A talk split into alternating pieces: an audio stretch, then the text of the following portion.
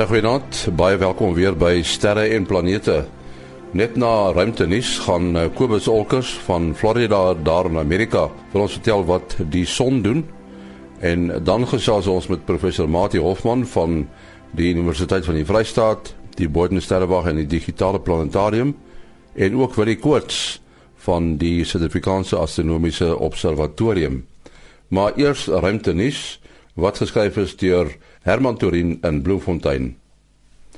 Navorsing wat deur Dr Harold White by die NASA se Johnson Ruimtesentrum gedoen word, het as oogmerk om ruimteskip te ontwerp wat die mense net 2 weke van die aarde na Alpha Centauri sal kan neem. Dit beteken dat die tuig heelwat vinniger as die snelheid van lig sal moet kan beweeg. 'n Teoretiese onmoontlikheid. Lig self sal byna 4 en 'n half jaar lank van die son tot by Alpha Centauri reis. Die navorsing het 'n doel om 'n sogenaamde tydsborrel te ontwerp waar die ruimte deur twee ringe om die tuig gebuig word. Binne die borrel beleef die tuig dan dat dit stadiger as lig beweeg. Die navorsing is nog in 'n eksperimentele stadium. Kenners wys daarop dat selfs al faal die huidige eksperimente, dit nie noodwendig beteken dat die konsep nie kan bestaan nie. Dit kan moontlik net beteken dat die navorsers die verkeerde model inspann om daarna te soek.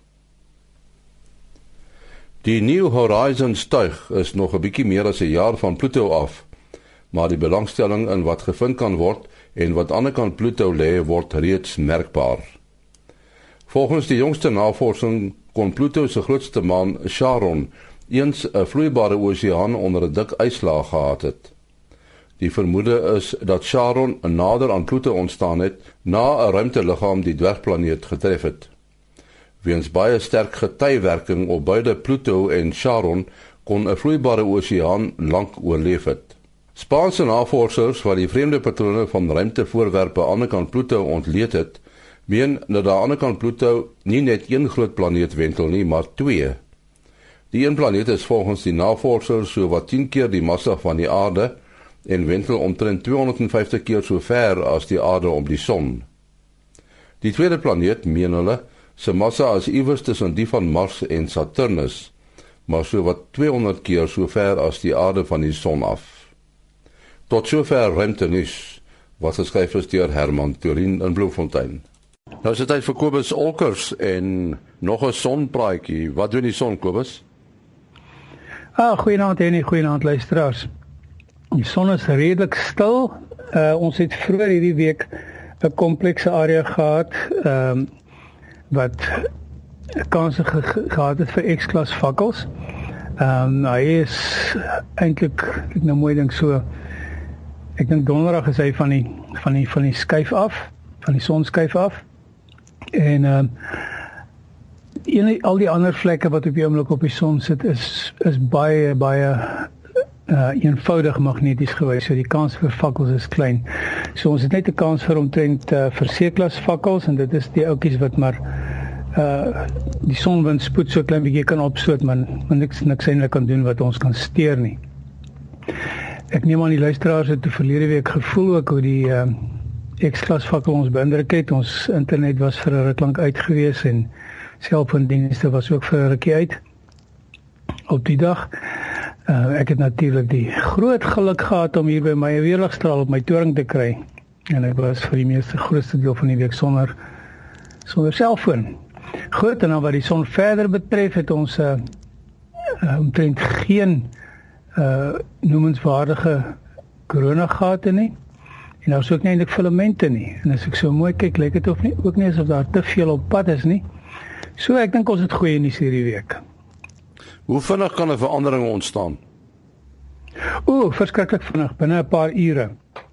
Ehm um, die fakkels is die gevolg van magnetiese areas op die son uh wat ons hier van die aarde af as ons nou met 'n uh, goed gefilterde teleskoop kyk en, en dan sien ons dit kyk na 'n sonvlek.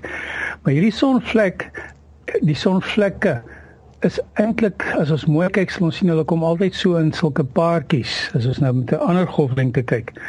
En wat dit is is twee gate wat in die son uit in die son se oppervlakte gedruk word deur 'n magnetiese veld wat van diep onder die son uitkom. So dit is mens kan maar sê 'n magnetiese vloed wat uh, vloedlyn wat onderloop onder die oppervlakte van die son dan kom hy stoot hy homself uit en hy bring hierdie groot klomp plasma saam met hom en hy gaan dan weer in die ander gaatjie gaan hy nou weer terug in die son in. En as jy mens so kyk, nou lyk dit na een van hierdie groot lusse. Ehm um, so soos 'n onderste bo u omtrent wat wat so uit die uh, son uitsteek. Nou hierdie magnetiese vloedlyne kan enige tyd onder die oppervlakte van die son uh uh begin hard druk teen mekaar en dan dan druk so ding uit en ons het al gesien dat 'n sonvlek binne uh omtrent 17 ure uh van hoegenaamd glad nie daar nie tot by uh uh gewone uh, alfa klas, beta klas uh son uh, kompleksiteit sonvlek kan kan ver, uh groei en dan vat dit net so 'n bietjie langer uh om meer kompleks te raak. Uh gewoonlik as hy as daar nou nog magneetvloede onder die son is wat uitkom dan kom hierdie goed op en dan kry ons nou wat ons vroeër hierdie week gehad het was wat nou 'n uh, 'n uh, baie komplekse uh, beta gamma delta konfigurasie gehad het en dit is wanneer hierdie magneetkolle wat nou hier op die son sit oral in en sommer so 'n groot massa te mekaar sit hier dan gaan hier 'n noordpool in en 'n suidpool reg langs hom en weer 'n noordpool reg langs hom en so aan. Ehm um, en wanneer hy so kompleks raak, dan weet hy nou nie meer wat om met die plasma te maak nie. Die plasma gaan op. Hy probeer terugkom in die son en hy gaan van die noordpool af op, hy gaan af met die suidpool en skielik is en die suidpool herkonfigureer dan dan verloor hy koneksie met die son. En wanneer hy die koneksie verloor met die son, dan bars hy oop, dan bars hy los en hy uh, gooi dan hierdie groot klomp plasma in die lug in en daarmee saam met hierdie vreeslike groot energie wat loskom as hy so losbreek, uh kry ons dan ekst, uh ekstraal en ultraviolet uh golflengte frekwensies. As hy koop as jou besonderhede? Dit is kobusolkers@gmail.com k o b u s o l c k e r s by gmail.com. Ons sê dankie aan Kobus Olkers daar in Florida, Amerika. Maar ek was sommer so 'n draaibal na jou kant toe, Bill. Iemand het nou net daar vir my gevra of uh lig, die spoed van lig beïnvloed kan word deur die gravitasie. Nou weet ek nie of die spoed beïnvloed word of die rigting van die lig beïnvloed word nie. Jy moet maar probeer antwoord spoed van lig is 'n baie belangrike konstante in die fisika. Veral as ons praat van die spoed van lig in 'n vakuum. Die spoed van lig in 'n vakuum uh volgens die uh, Einstein se spesiale teorie van relativiteit is 'n absolute uh konstante. Dit is 'n hoeksteen van die moderne fisika. Maak nie saak as daar 'n ligstraal by jou uitkom, maak dit nie saak hoe jy beweeg in watter rigting jy beweeg, hoe vinnig jy beweeg of hoe die ligbron beweeg het nie as jy daardie ligstraal se spoed relatief tot jou bepaal, uh, dan gaan jy die spoed van lig kry. Ons dui dit in die fisika aan met 'n uh, 'n uh, klein lettertjie c, 'n uh, beroemde simbool. En uh, as ons nou afrond, dan praat ons van 300 000 km per sekonde. Uh as ons dit nou so 'n bietjie minder rof afrond, dan sit 2.200 ja, ons maak dit meter per sekonde 2.998 maal 10 tot die mag 8 meter per sekonde. Nou uh die spoed van lig is nie in alle omstandighede konstant nie. Byvoorbeeld as jy nou in 'n medium gaan, laat lig nou maar in 'n uh, byvoorbeeld deur glas beweeg, dan word die spoed van lig in die medium bepaal deur die brekingsindeks of die sogenaamde optiese digtheid van die medium waar ek gesê het dat die spoed van lig 'n absolute konstante is in vakuum in die spesiale relativiteitsteorie, is daar nou ongelukkig 'n ingewikkelder teorie, die algemene relativiteitsteorie, nou vir 'n ou soos Einstein het dit 'n uh, 'n volle 10 jaar vanaf 1905 toe hy met die spesiale aktiwiteit vorendag gekom het tot hy na baie diep denke en vreeslik baie wiskunde by die algemene teorie van relativiteit uitgekom het in 1915 dit word dan ook volgende jaar herdenk as 'n baie belangrike gebeurtenis in die fisika nou die algemene relativiteitsteorie gaan is die lig nog steeds baie belangrik uh maar dan is dit vir alle teorie oor gravitasie en hoe gravitasie lig beïnvloed En nou is dit nie meer so maklik om sommer net van 'n uh, leerruimte te praat nie want daar is uh jy kan leerruimte hê Maar as jy naby 'n voorwerp is met baie gravitasie, met baie sterk gravitasie, so sê nou maar 'n ligstraal beweeg rakelings by die son verby, maar veral hoe groter die ster is en hoe digter hy is, in 'n ekstreme geval kan jy praat van 'n gravitasiekolk, dan uh gedra die lig hom nie maar net asof hy in 'n omgewing beweeg waar daar niks is nie, daar's gravitasie en in die eerste uh, opsig buig dit die pad van die lig. Die lig vat basies die kortste pad wat in daardie gebuigde ruimte uh moontlik is. Uh nou kan ek my voorstel ek kan uh, nou nie dadelik aan uh syfers dink en so meer nie maar, maar in daardie proses dat dit uh wel invloed kan hê op die spoed van lig want as jy nou vir jou 'n ligstraal voorstel wat buig ehm um, dan is dit moeilik daar uh, om te dink dat uh, dit in alle omstandighede presies dieselfde spoed moet beweeg. Byvoorbeeld as jy in 'n uh, medium ingaan, dan word lig juis gebreek weens die verskil in die spoed van lig buite die medium en binne die medium. So uh, as jy 'n ligstraal byvoorbeeld skuins in 'n uh, water ingaan, dan buig dit na die normaal die loodregte lyn op die wateroppervlak in omdat die uh weens die verskil in die spoed van lig buite die water en uh, binne die water.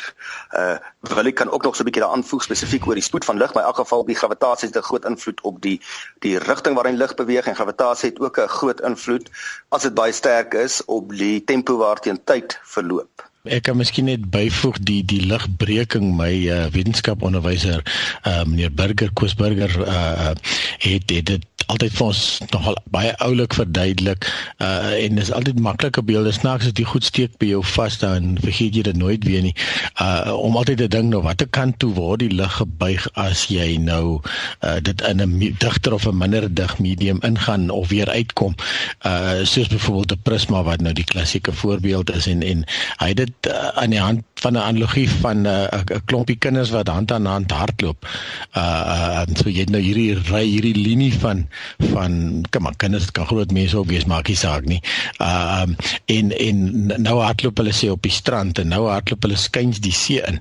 So die eerste ouetjies wat die water tref, uh, uh begin nou stadiger te hardloop en en en hulle hulle en die hele linie uh, verander dat effens van rigting na die water toe en as hulle nou weer uit die see uitkom dan gaan die eerste ouetjies wat uitkom gaan dan makliker hardloop en en hulle gaan dan begin vooruit gaan en dan verander die linie weer van rigting. So ja, dis nou sommer net so 'n vinnige ding wat my laat dink het aan die uh, aan die analogie van ehm um, lig wat dan uh, van medium verander van dig na minder dig en en dan uh, refraksie of ligbuiging ondergaan soos wat ons hom ken.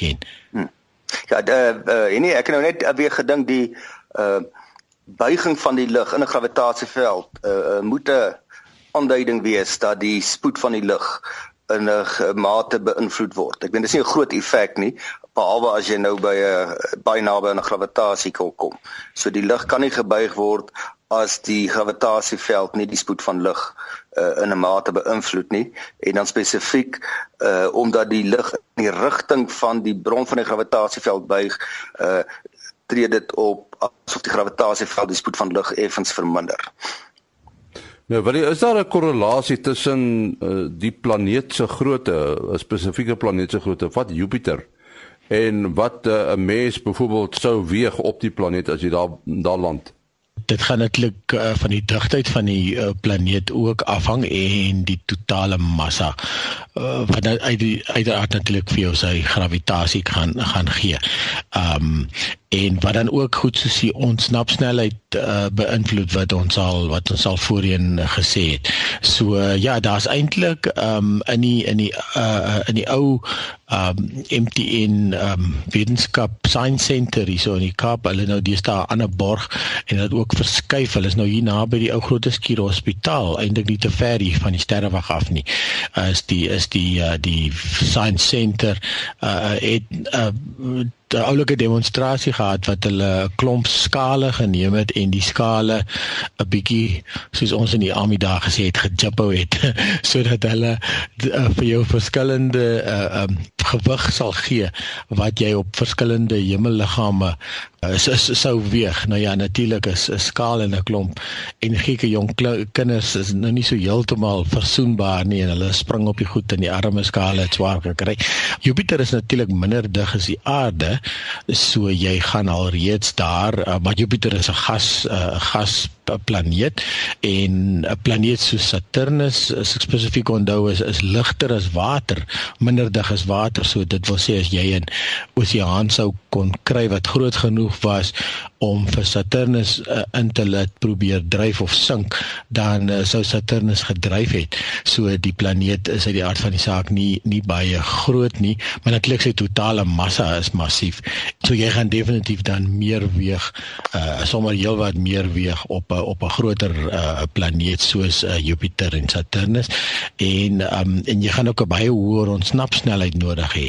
So jy kan nou uit die uiteraard nie land op op Jupiter of Saturnus nie want daar's nie 'n soliede oppervlak nie, maar um, indien jy sou baie na aan die planeet kom en jy sou wou probeer wegkom weer met jou ruimteskipie dan dan sou jy heelwat energie nodig hê om um, om dan uiteindelik ja, ja. uit die gravitasieveld uit te, ont, te weer te kan ontsnap.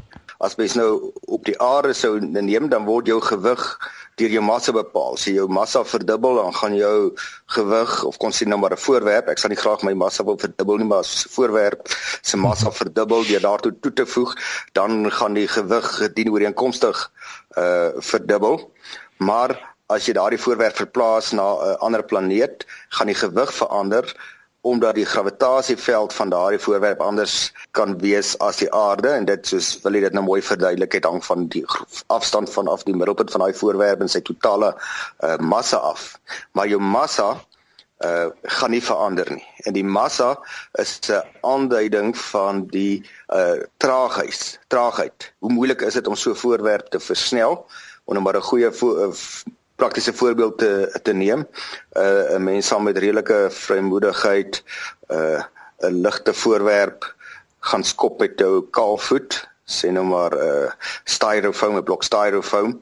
Uh maar jy gaan nie die uh, dieselfde volume van 'n baksteen wil skop met jou kaalvoet nie want daar's 'n groter traagheidsmassa. Uh so die uh, massa bepaal die traagheid tot versnelling, maar ek het nou geïmpliseer die massa bepaal ook die gewig op die aarde. Nou uh, moet mens eintlik onderskei deur te gaan praat van jy het 'n traagheidsmassa en jy het 'n gravitasiemassa. Die gravitasiemassa al vir 'n gegeewe planeet, hoe sterk daai planeet jou aantrek. Dit bepaal jou gewig uh as een van die faktore, nie die enigste wat jou gewig bepaal nie. Okay. Uh 'n mens kan nou vra maar wat het die traagheidsmassa uh met ander woorde hoe moeilik dit is om 'n voorwerp uit uh rus hy te versnel of om sy snelheid se rigting te verander. Wat het dit te doen met die krag waarmee 'n uh, planeet hom aantrek? Uh, nou wel dit is 'n diep misterie van die uh, fisika en baie mense het daaroor gewonder onder andere Einstein. En hy het hom 'n uh, hele paar jaar soos ek voorgenoem het met daai vraag besig gehou en dit is wat uiteindelik hom gelei het na uh, die teorie van algemene relativiteit uh om die diepsinnige antwoord op daardie vraag te kan kry. En so dit is nie voor die hand liggend nie. Die feit dat die twee massas uh as basies dieselfde geneem kan word, uh het dan ook te doen daarmee dat verskillende voorwerpe met verskillende massas uh, as jy ligweerstand kan ignoreer teen dieselfde versnelling val. Maar ander woorde as jy nou op die maan is waar daar geen atmosfeer is nie en jy vat uh, 'n uh, veer en 'n uh, en 'n koel laat hulle val, gaan hulle uit rus uitval op dieselfde hoogte en dan gaan hulle die oppervlak van die maan gelyktydig tref. En die effek van die massa kanselleer mooi uit in die grootte van die versnelling weens die feit dat die gravitasie en die traagheidsmassa as dieselfde geneem kan word. Ja, as, as ek reg onthou het uh, met die Apollo uh een van die Apollo sendinge het hulle presies daai eksperiment gaan doen, hè. Hulle het dit op kamera vasgevang waar hulle uh, is uh, ek kan nie onthou wat die verskillende massas was nie, maar die een was iets soos 'n veertjie en die een was iets soos 'n byloffe 'n stuk yster en en dit is ongelooflik om te sien hoe die twee goedes gelyktydig die maan se oppervlak bereik. Ja, 'n ander video wat ek op YouTube gesien het is 'n uh, uh, in die inter, uh, internasionale ruimtestasie waar daar nou zero gravitasie is. Uh het hulle beduie wat gebeur met 'n voorwerp soos 'n kamera wat nou voor die ou dryf as uh hulle die uh, vuurpyltjies aanskakel van uh, die ISS uh, jy weet om 'n sekere manoeuvre uit te voer en dit is baie interessant te sien hoe die kamera skielik sommer van self begin beweeg Ja, ja, en dit is natuurlik nou ook die die vryval wat nou ook hier bykom. So uh die rede hoekom jy natuurlik ronddryf in 'n ruimteskip is dat die ruimteskip is eintlik die hele tyd besig om te val. Uh en en soos wat hy val, so val die aarde se ronding dieselfde uh radius of wat nie selfe radius nie, maar die konsentriese sirkel en en uh, so die ruimtetuigie is die hele tyd besig om te val en en die bemanning en alles daarin is saam. En dis eintlik hoekom hulle dan nou glad niks weeg nie want want almal val nou. En dan die oomblik as jy dan nou skielik skielik 'n eksterne energie bysit soos wanneer jy die motore vuur om die ruimtestasie te verander van spoed want jy wat uiteindelik gebeur is dan dat die dat die ruimtestasie self begin nou vinniger of stadiger gewoonlik vinniger uh, te beweeg in die geval en die, en die alles binne in is is daai traagheid wat ons nou van gepraat het bly soort van agter en word dan teen die mure gepleister. Nou ja, ons kry eintlik dieselfde sensasie wanneer ons in 'n voertuig versnel op aarde. Um, want uh, terwyl jy besig is om te ry is is die die motor en die insittendes almal teen dieselfde uh, snelheid besig om te beweeg. En uh, as jy die pedaal trap of die of die rem trap dan is daar 'n verandering tussen die voertuig en die en die insittendes en dan kry jy ook dieselfde geval. Ja so dit sal nogal ek sal nogal gaan soek vir daai uh, YouTube videoetjie Uh ja, wil jy mens kan nou die volgende interessante eksperiment doen as jy in 'n motor ry, begin teen 'n uh, konstante spoed op 'n uh, reguit stuk pad. Uh nou dis nou nie die bestuurder wat die eksperiment moet doen nie, maar 'n passasier en dan laat jy nou 'n balletjie aan 'n toutjie hang en as jy dan nou draai of rem of uh, versnel, dan kan jy nou sien wat gebruik met die voorwerp wat hang. Maar kom ons doen die teenoorgestelde daarvan. Ons gebruik 'n helium uh, woorde nou vertikaal boontoe hang uh, wel uh, hy kry en as hy nou die toukie moet styf trek dan kan nou mense nou kyk wat gebeur as jy rem en wat gebeur as jy versnel. Nou ons eerste aanvoeling sou sê as mens rem dan behoort die ballon uh, vorentoe te beweeg. En as jy versnel behoort hy agtertoe te beweeg. Maar die teenoorgestelde wat gebeur want die uh, gas in die ballon is ligter as dieselfde volume lug in die motor. En die swaarder lug as jy nou gaan rem wil vorentoe beweeg en dit druk dan die uh heliumballon agtertoe en omgekeerd as jy sou versnel dan hmm. beweeg uh, ek weet nie of jy al die eksperiment gedoen het maar dit is nogal 'n baie teenintuïtiewe demonstrasie Ja, ja, nee, dit klink nogal interessant. Julle het dit klink nou so duur geraak deesdae, maar ehm um, ehm um, dit klink nogal na eh, 'n uh, vreeslike interessante eksperiment. Ja, net toe terloops die rede hoekom helium so duur geraak het is is omdat dit uh ek het ergens eendag 'n artikel gelees wat sê ons gaan uit helium uit raak voor ons uit olie uit gaan raak. En uh helium word uh, omdat dit 'n edelgas is, kan jy dit nie maak in 'n laboratorium nie. So edel dit word gemyn uh te doen met die afbreek van graniete of so iets. Dan sodra dit in die atmosfeer kom dan styg dit op en en dit word deur die sonwind weggewaai.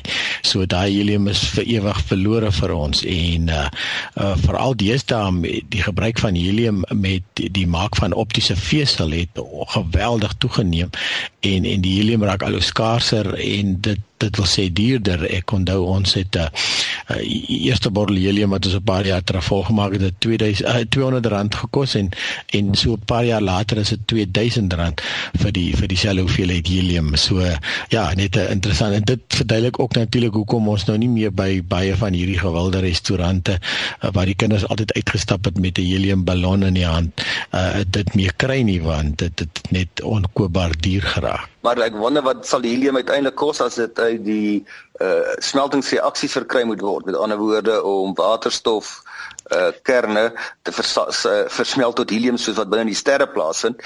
Dit sal natuurlik verskriklik duur wees behalwe as 'n mens die die smeltingsreaksie uh koste-effektief vir energie uh opwekking, vir elektrisiteitsopwekking te kan gebruik, dan sou die helium uh waarskynlik 'n uh, goeie neuwe produk daarvan wees. As mens nou vir allerlei radioaktiewe isotope wat ook in die proses gevorm uh, word kan skei.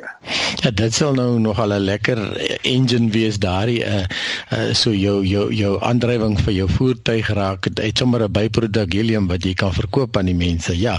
Wat dit ook gebeur is dat die die die bronne wat duurder en duurder raak wat um baie armer en armer raak word nou ontgin wat natuurlik ook die die prys opjaag. Die teenvoeter is natuurlik al al reeds daar en ons gebruik dit self in Sutherland waar ons helium uh gebruik om um van ons instrumente af te koel uh hierdie sogenaamde closed cycle coolers wat um na baking vloeibare stikstof is so minus 200 grade Celsius uh vloeibare helium is is iets soos um, 40 grade Kelvin so minus 200 en 30 daar rond, nee, 220 daar rond. So van die instrumente gebruik dan helium uh en dan self om supergeleiding uh te bewerkstellig met uh, byvoorbeeld die gravitasiemeter daar en en uh, hy's 'n paar jaar terug omgeskakel dat die helium herwin word. So in plaas dat die helium af damp en in die atmosfeer vrygestel word en verdwyn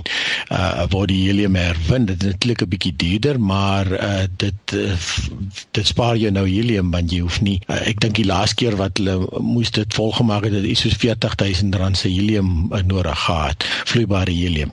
So uh, dit is dit is uh, uh natuurlik begin ons teenvoeters daar teen uh aan die gang te kry en en ons ons spaar weer in die proses en uh spaar weer op 'n op 'n on, on onherwinbare bron. Ja, Mati, net weer terug na die spoed van lig. As 'n mens nou in die nag uh, dit regkry om te kyk na 'n uh, galaksie soos Andromeda wat 2,4 miljoen ligjaar weg is, dan neem ons nou aan dat daai lig het teen 'n konstante spoed uh getrek die hele tyd tot hy jou oog bereik. Ja, tot 'n baie baie goeie benadering. Uh mens moet natuurlik aan ag neem dat die ruimte tussen ons en Andromeda is nie 'n volmaakte vakuum nie en uh, die spoed van lig is konstant uh in vakuum. Nou dit wat ons in die ruimte vind is baie beter as die beste vakuum op aarde wat ons kan kry, maar daar kan wel, daar is 'n klompie atome per kubieke sentimeter uh wat dan wel 'n klein vertraging in die spoed van lig tot gevolg kan hê. Ehm um, maar uh, dit kan vir alle praktiese doeleindes kan ons sê dit het in 'n konstante spoed beweeg. As mens nou op die kosmologiese skaal gaan waar 'n uh, ligstraal nou baie baie baie ligjare moet beweeg, sien nou maar miljoene ter miljoene ligjare, dan begin die materie tussen ons en daardie voorwerp, die uh, interstellêre wolke en stofwolke waar stof alles swaarder as waterstof op die atomiese skaal is, uh, begin wel 'n rol speel en dan kan 'n mens 'n klein bietjie dispersie kry tussen sê net maar daar was 'n ligflits weer 'n uh, ontploffing gewees uh, by 'n stelsel baie baie ver van waar ons dit waarneem, uh, dan kan dit gebeur dat die die spoed van lig dan weens die bietjie materie wat daar tussenin is, wel 'n bietjie van van die golflengte en dan 'n klein bietjie uitspreiding in terme van die tyd waarteen die verskillende golflengtes uh by jou uh uitkom. Dit is ook uh, die rede hoekom as jy nou uh lig wit lig laat inval op 'n prisma, hoekom daar uh uitspreiding plaasvind is want die verskillende golflengtes het nie presies dieselfde spoed in die medium nie, maar in, in absolute vakuum het al die golflengtes uh, presies dieselfde spoed. Ons ons moet nog gelukkig afsluit. Uh, wil jy jou besonderhede? Ja, mense kan bel SMS WhatsApp 0724579208.